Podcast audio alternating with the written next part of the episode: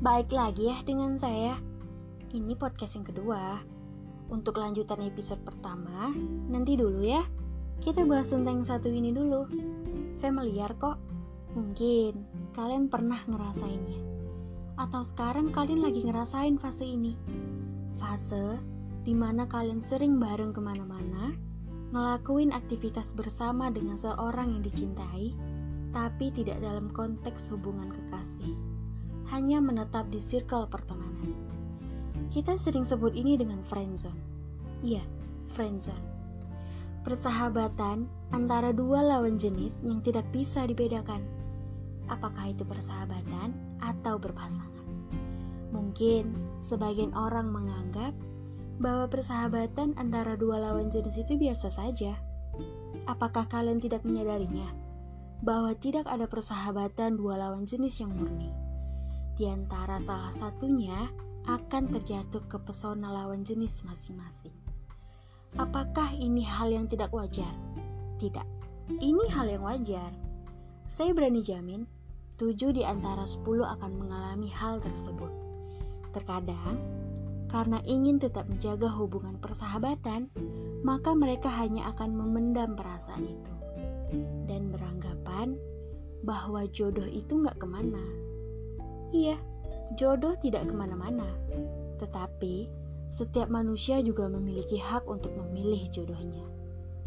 Bagi kamu yang sudah berani mengungkapkan perasaan kepada sahabat lawan jenismu, saya akui kamu sangat hebat. Tetapi, apakah setiap orang memiliki keberanian yang sama? Apakah sahabatmu menerima kehadiranmu di hatinya? Saya katakan tidak. Dari dua pertanyaan inilah timbulnya hubungan friendzone. Entahlah itu persahabatan atau berpasangan. Mungkin kedua pihak pernah merasa tidak nyaman dengan ketidakjelasan hubungan ini. Tetapi, perasaan takut dijauhi, dicueki, dan diacuhkan lebih dominan dibandingkan perasaan tidak nyaman dengan ketidakjelasan hubungan. Lelah Pasti iya. Saya juga pernah mengalaminya. Berujung hubungan persahabatan yang dibangun selama bertahun-tahun hancur dalam waktu semalam. Sakit, iya, pedih, iya, tapi tak berdarah. Terkadang, pilihan memendam perasaan itu ada baik dan benarnya. Aku mewakili perasaan perempuan.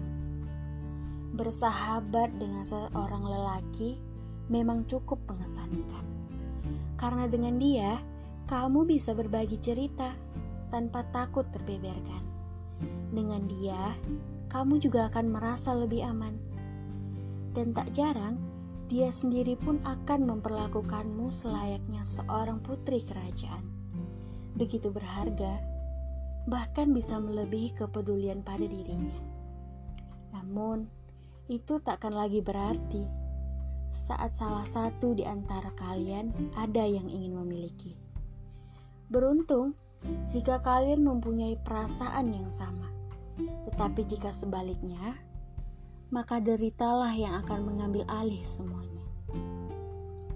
Jadi, selamat malam untuk sebagian orang yang merasa malam ini begitu kelam, tanpa notifikasi, tanpa DM yang berkicau lagi tanpa ucapan selamat mimpi dan basa-basi yang sering kau siasati tanpa henti.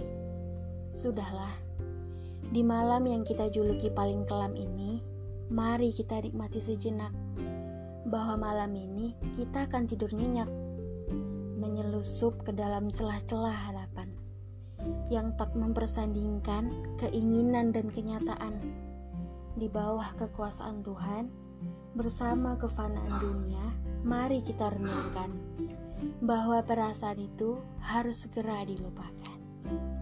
Terima kasih semuanya. Selamat mendengarkan.